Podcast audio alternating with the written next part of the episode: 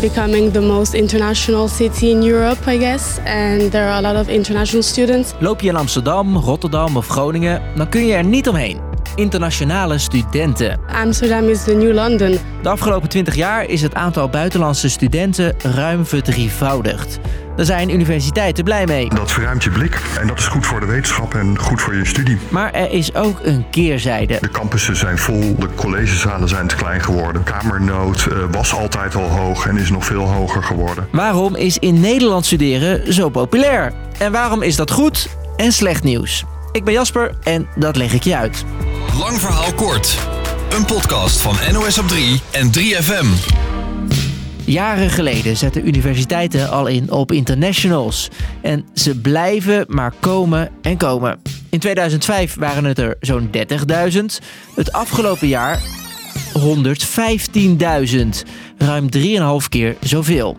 En dat ze zo massaal naar Nederland komen, is logisch, zegt Ingmar Visser. Dat komt omdat uh, wij ontzettend goede opleidingen hebben. Hij is de opleidingsdirecteur bij de Universiteit van Amsterdam. Ze zijn uh, relatief goedkoop ten opzichte van andere buitenlanden waar uh, mensen heen kunnen gaan. we hebben veel Engelstalige opleidingen, waardoor ze ook toegankelijk zijn voor buitenlandse studenten.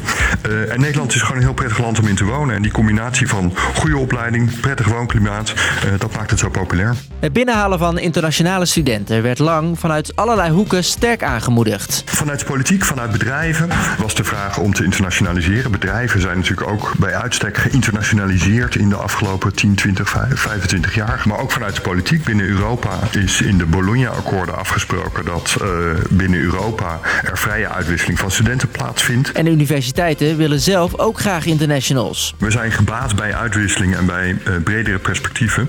In het eerste jaar dat wij in, met een internationale opleiding begonnen zagen we ook al direct dat de studieprestaties ook, uh, ook iets beter werden en uh, dat mensen tevredener zijn. Maar de afgelopen jaren kwamen er zoveel bij dat het problematisch wordt. Internationals kunnen bijvoorbeeld niet aan een kamer komen.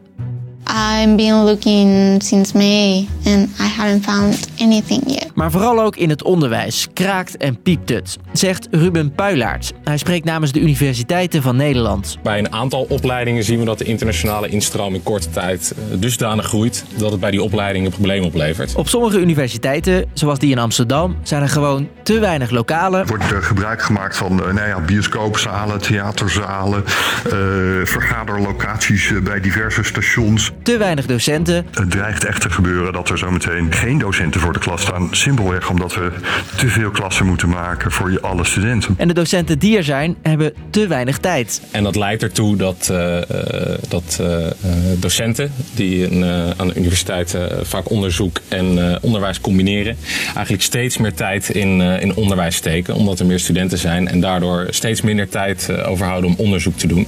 Dus die balans is helemaal kwijt.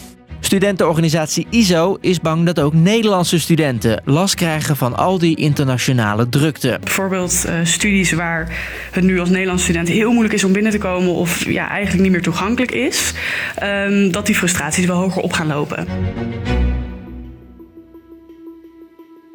Al die internationale studenten zijn nu dus vooral een probleem op de unies. Maar wat is de oplossing? Het ISO denkt bijvoorbeeld dat je goed moet kijken naar welke studies wel en niet in het Engels worden aangeboden. Als een studie een uh, aantoonbare internationale dimensie heeft, noem een studie als internationale betrekkingen, dan is het logisch dat deze ook in het Engels wordt gegeven. Maar een andere studie waar die niet nodig is, um, en dus daarmee de kwaliteit van het onderwijs ook laag gaat als we het in het Engels gaan doen. Uh, die hoeft voor ons niet in het Engels. Engelstalige opleidingen schrappen, dat ziet de Universiteit van Amsterdam niet zitten. Dat zou de simpelste oplossing zijn, maar dan gooi je de facto de internationalisering weer overboord. Dat zou echt zonde zijn. Juist die keuze voor internationalisering was een bewuste keuze. We willen dat graag, uh, maar je moet het gewoon goed organiseren. Universiteiten willen de toestroom van buitenlandse studenten beter kunnen controleren. En daar hebben ze de politiek voor nodig, zeggen de universiteiten van Nederland.